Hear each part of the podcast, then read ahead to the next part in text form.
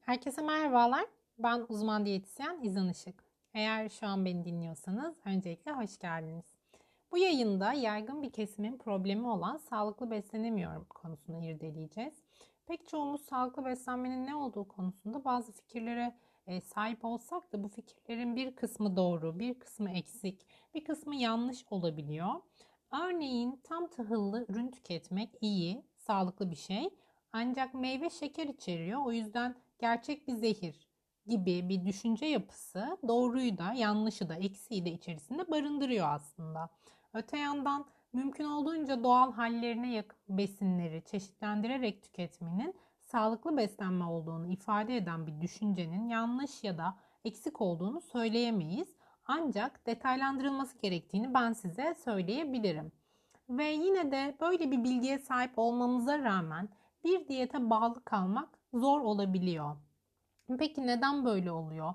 Bunun sebepleri neler olabilir? Ben biraz bu konuların önemli olduğuna inanıyorum. Sağlıklı beslenmenin de yalnızca bir diyet listesine uyum sağlamakla bitmediğini düşünüyorum. Dolayısıyla bu yayında biraz bu bağlamda okuduklarımı derledim e, ve sizlere onlardan bahsedeceğim. Öncelikle sağlıklı beslenmeyi kesinlikle öz bakım denkleminin bir parçası olarak görüyorum ben. Öz bakım zihinsel, duygusal ve fiziksel sağlığımıza dikkat etmek için kasıtlı olarak yaptığımız herhangi bir faaliyet. İyi bir öz bakım ruh halini iyileştirmenin de, kaygıyı azaltmanın da yardımcısı ve aynı zamanda kişinin kendisiyle ve başkalarıyla iyi bir ilişki kurması konusunda da yardımcı. Peki nasıl iyi besleneceğimizi bilmemize rağmen neden sağlıklı yiyecek seçimleri yapmakta zorlanıyoruz? Bu soru altında toparladığım bazı başlıklar var. Bunlardan birincisi e, yemeği ceza yöntemi olarak görmek. Bazı terapistler kötü yiyecek seçimlerinin modern bir problem olan düşük özdeğerlilikle ilişkili olabileceğine inanıyor. Özdeğer, özdeğerlilik ne demek?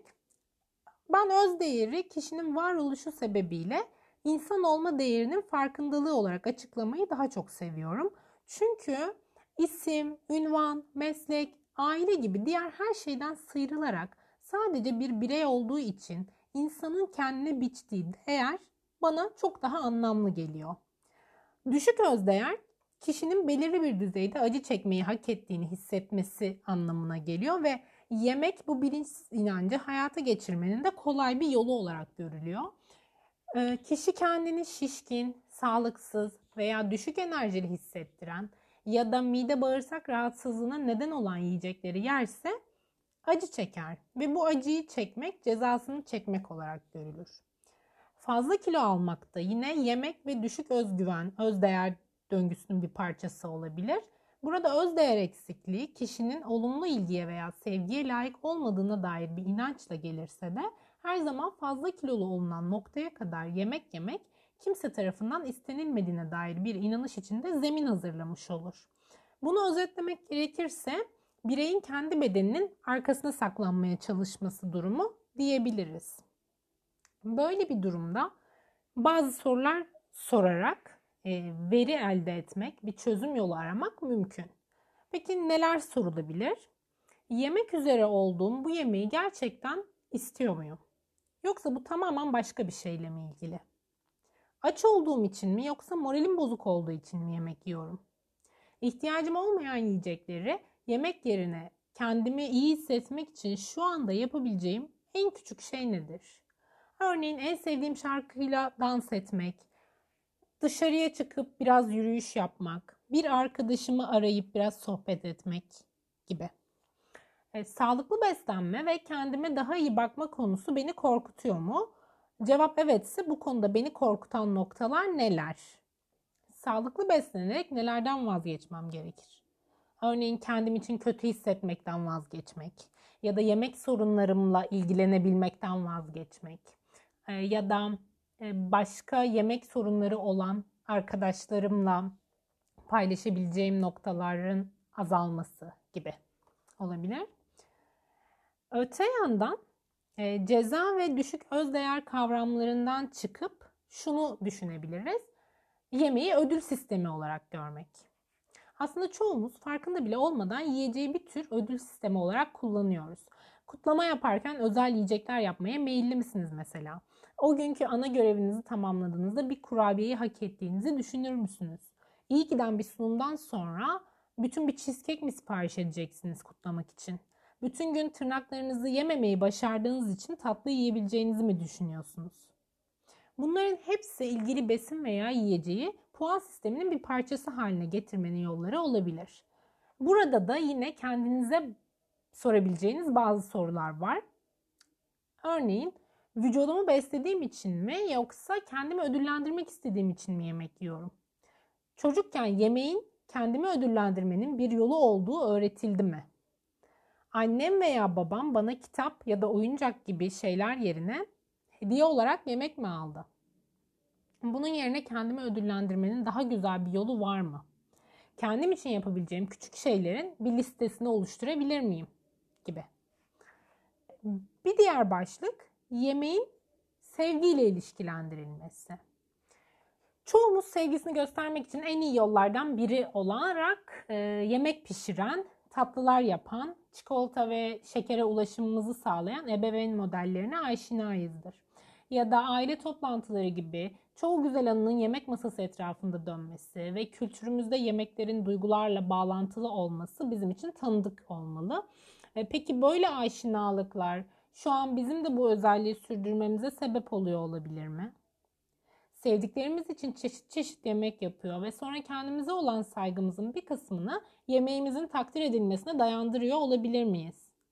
Yemeğin, sevgiyi kazanmanın, harika vakit geçirmenin, bir şeyin parçası olduğunu hissetmenin ve hatta belki dünyayı değiştirmenin bir yolu olduğu fikrini veren bazı kaynaklar, kitaplar, filmler, diziler ve düşünceler, belki dış sesler olsa da kilo sorunları olan insanların yalnızlaşması, duygularla ilişkili olarak yeme davranış bozuklukları geliştirmeleri ya da kilo sebebiyle öz bakımını yapamayan kişilerde sıklıkla depresyon geliştiğini de unutmamak gerekli. Bunlar genellikle göz ardı ediliyor çünkü. Burada da yine bize veri sağlayacak bazı sorular sorabiliriz pekala. Sevginin yemekle mi yoksa sözlü destekle gösterildiği bir ev ortamında mı büyüdüm? Sevgiyi göstermenin bir yolu olarak mı yemek pişiriyorum? Kendime saygım yemek yapmamla bağlantılı mı? Kendim için zengin yemekler yapmayı kendime bakmanın veya kendimi sevmenin bir yolu olarak mı görüyorum? Daha fazla sevgi vermek ya da sevgi almak için yemek dışında başka hangi yolları düşünebilirim? Sevgi istemenin tamamen doğal olduğunu kabul edebilir miyim? Ve kendime bunu istemeye izin verirken aynı zamanda yemeğin ihtiyacım olan sevgi olmadığını anlayabiliyor muyum? Bir diğer başlığımız besinleri dikkat dağıtıcı olarak kullanmak. Burada da şunu sorguluyoruz. Sağlıklı beslenmek için mücadele etmemizin altında psikolojik olarak rahatsız olduğumuz duyguları işlemekten kaçınmak ve yiyeceği etkili bir dikkat dağıtıcı olarak görmek yatıyor olabilir mi? Bireyler üzgün olduklarında daha iyi hissetmek adına şekerli yiyecekler, e, kızgın hissettiklerinde sakinleşmek için yüksek yağlı karbonhidrat kaynakları tüketebilirler. Ve sadece üzüntü ya da öfke değil aslında neşe ve sevinç gibi gerçekten iyi olan duygular da dahil olmak üzere herhangi bir duyguyu bastırmak için yiyecek kullanma hali oldukça yaygın görülüyor. Bu bağlamda da abur cubur yemeye veya aşırı beslenmeye dönmek, aşırı duygusal hissetmekten kaçınmanın bir yolu olabilir.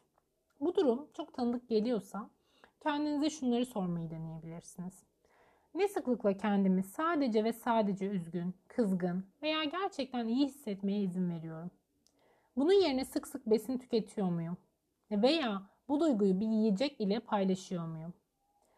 Doğru öğünler yerine sık sık atıştırır mıyım?